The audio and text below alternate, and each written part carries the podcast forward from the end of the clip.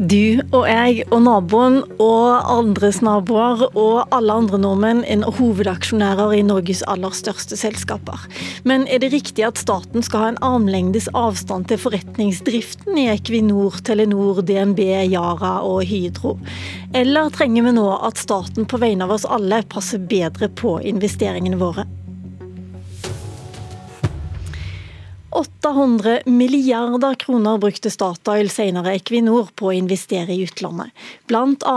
i skiferolje og oljesand som verken var økonomisk lønnsomt eller spesielt bærekraftig for miljøet. Det ble investert i mye annet også, men summen er norgeshistoriens dyreste fadese, skriver en kommentator i Dagens Næringsliv nå. Avkastningen regner til å være omtrent null, og hvor har staten som hovedeier vært, spør du Åge Borchgrevink, som er forfatter av boken 'Giganten'.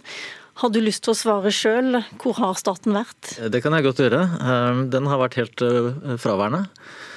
Ehm, jeg syns jo denne historien med Equinor, det er jo statlig eierskap er jo mye større enn bare Equinor, men Equinor er det største selskapet. Den viser jo at eh, hvis ikke eier passer på og går etter eh, hva som skjer, så får du en, eh, veldig mye makt da, i, i, konsernledelsen i disse selskapene. Og det er ikke sikkert at uh, den blir utøvd på en måte som er i da vår, eller altså eiernes, uh, eiernes, interesse. Men du går videre enn som så du sier at det statlige eierskapet er i krise. Hvorfor mener du det?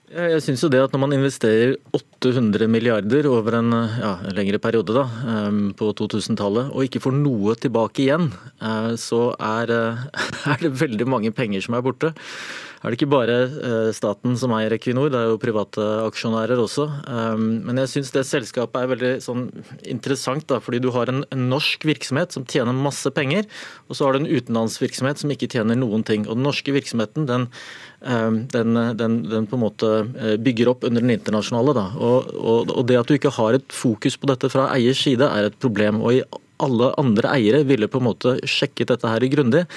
Men staten med sitt prinsipp om en armlengdes avstand er en veldig eh, svak eier, og det kan bli problematisk. Og det har vært problematisk eh, i Equinors tilfelle. Torbjørn Røe Isaksen, du er næringsminister og representerer her staten som eier. Både Høyre og Ap har gjort det til en eh, paradegrein å holde armlengdes avstand til forretningsdriften, i hvert fall i selskapene. Men trenger ikke Norges største bedrifter mer enn eier som holder dem i ørene, sånn som Borchgrevink snakker om her? Det er viktig å ha klart for seg hva armlengdes avstand betyr. For det betyr ikke på noe som helst måte at staten som eier er passiv. Det betyr ikke at staten ikke skal ha utbytteforventninger, at staten ikke skal forvente at våre selskaper som vi forvalter på vegne av det norske folk, skal levere avkastning over tid. Eh, men det det betyr, det er at vi ikke skal tilbake til en eh, situasjon hvor vi svekker svekket det norske folks verdier over tid ved å leke politikk med de selskapene som staten eier. Så Det betyr at kritikk som kommer, eller påpekninger eller eh, konstateringer av at her kunne resultatene vært bedre, det er en god diskusjon. Og Der skal staten på samme måte som alle andre eiere forvente at selskapene tjener penger over tid. Eh, men eh, diskusjoner som sier at staten må gå inn og leke politikk med det statlige eierskapet, det er veldig dårlig, for det forringer verdiene våre over tid. Dette er kjente toner fra Høyre, Borchgrevink? Ja, det er jo på en måte det. men Jeg, jeg syns jo det, det, det, er interessant med Høyre her, da. fordi hvis du ser oljehistorien eh, liksom i et større perspektiv, så var, var Høyres rolle der på 80-tallet å være en slags sånn bokholder for AS Norge. Da, eh, på det tidspunktet, eh, statsselskapet, altså Statoil som det het den gangen da, hadde veldig stor eh, makt og sto for de flesteparten av investeringene i industrien osv., så, videre, så gikk Høyre inn for å, for å, gjøre noe med den situasjonen. og Det ble den store reformen på 80-tallet som, ja, som, på en måte ligger litt til grunn for det, den situasjonen vi har i dag.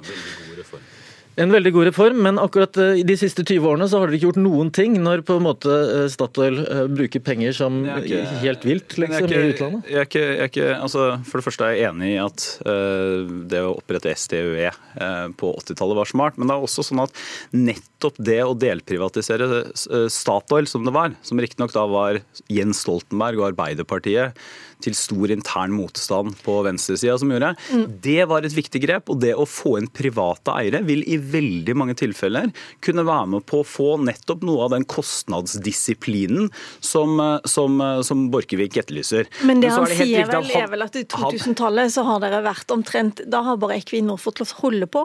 Nei, det, det, er jeg ikke enig i som beskrivelse i det hele tatt. Men det, det er klart at når Borchgrevink foreslår jo å helprivatisere eh, Equinor, eller dele det opp i stort selskaper. Det er det som står i DN-kronikken din. og det er klart Da, da går du langt utenfor det noen partier i Norge ønsker. Fordi også Høyre, eh, som et borgerlig parti, ønsker å opprettholde et statlig eierskap i Equinor.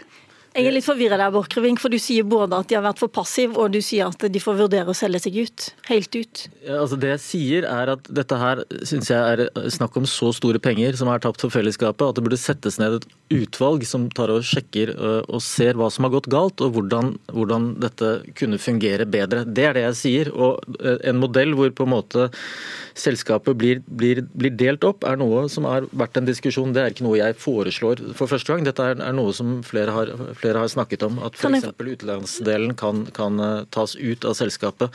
Jeg har lyst til å bringe inn også et øyeblikk i Borchgrevink. Per Christian Foss, som jo er tidligere Høyre-statsråd, finansminister, han sier også i Dagens Næringsliv at staten bør bli en mer krevende eier. Han snakker om at staten ikke etterspør nok tall fra selskaper og er for naive. Nå snakker han som, eh, som riksrevisor.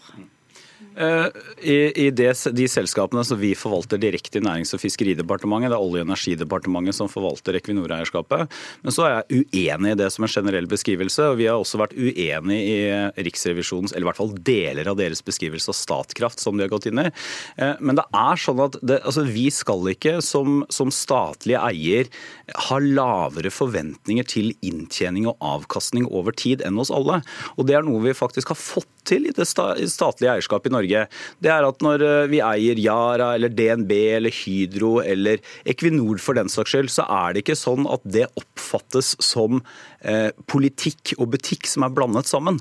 Det oppfattes som staten er en aktiv, krevende, profesjonell eier som selvfølgelig forventer avkastning over tid. Riksrevisoren har bare ikke oppfatta det åpenbart, da, men jeg har lyst til å trekke inn også ja, Benedikte. Nå, nå er det sånn at det er lov å diskutere også riksrevisors Absolutt. konklusjoner. La meg bare få trekke inn Benedikte Skilbred Fasmar. Du har vært styreleder for Oslo Børs, og er på vei inn i styret nå i Norges Bank. De har også i en årrekke jobba i DNB som konserndirektør. Er det mulig å si noe generelt om hvordan staten oppfattes som eier? Har du oppfatta at staten er en stor eier som egentlig er ganske passiv? Altså jeg tror det som Røe Isaksen er inne på, det med at man må vite at man må, på, man må på seg én hatt av gangen, eh, er ganske viktig. Så enten er du politiker og setter retning og rammebetingelser, eller så er du eier, og da har du en, en helt annen eh, dialog. Og eh, det, så er det også sånn at Staten kan jo være mye tydeligere på hva man ønsker som eier, hvis man eier noe 100% enn hvis man eier noe sammen med andre, hvor det er børsnotert eksempelvis, sant? og hvor man eh, er en del av et aksjonærfellesskap, hvor man er en av stemmene inn i eh, forvaltningen, eller det å gi retning fra, fra aksjonærenes eh, side. Men eh, Deler du oppfatningen som eh, Foss har, og for så vidt Borchgrevink inne på også, at eh, staten har vært i noen tilfeller er for fraværende? Det er utrolig lett å kritisere beslutninger med etterpåklokskapens deilige, klare lys. Dette synes jeg er et glimrende eksempel eh, på det. Og Det er klart at det er jo ingen profesjonelle som har sittet verken i ledelse eller i styrerom og trodd at de investeringene ikke skulle være lønnsomme og ikke skulle være gode både for selskapet og for, for eierne.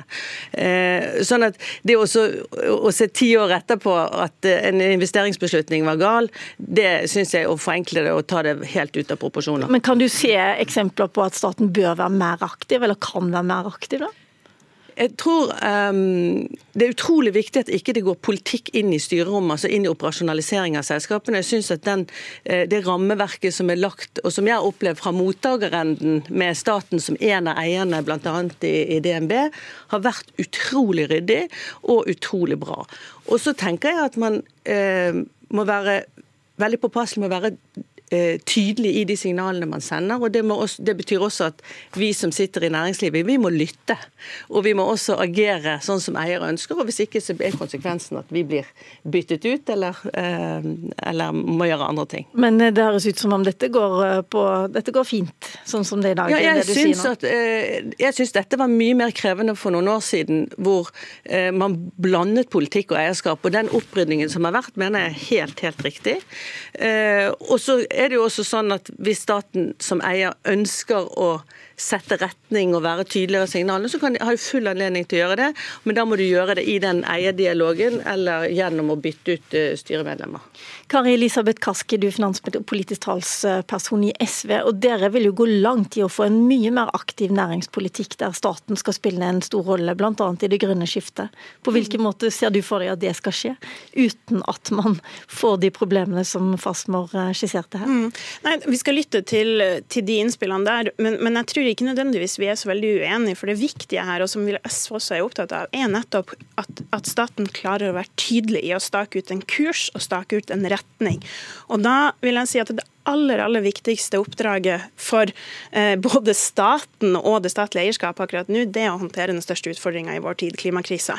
Nå har vi eh, statlig eierskap, vi diskuterer her Equinor, men vi har også andre selskaper som vi enten eier 100% eller som vi er deleiere i.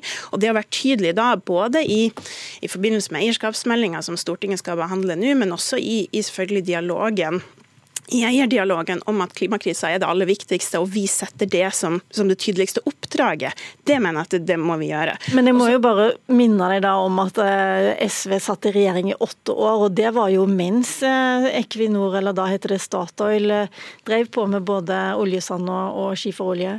Ja, og, og, det er jo ingen tvil om at vi var eh, både kritisk til det og, og, og bekymra for de investeringene som, som Statoil gjorde eh, på den tida der. Og så fikk ikke vi gjennomslag i, i rød-grønn regjering for, for, vår tenkning rundt eierskapspolitikken. Men der vil jeg jo si det har skjedd en endring i flere partier også i etterkant av det.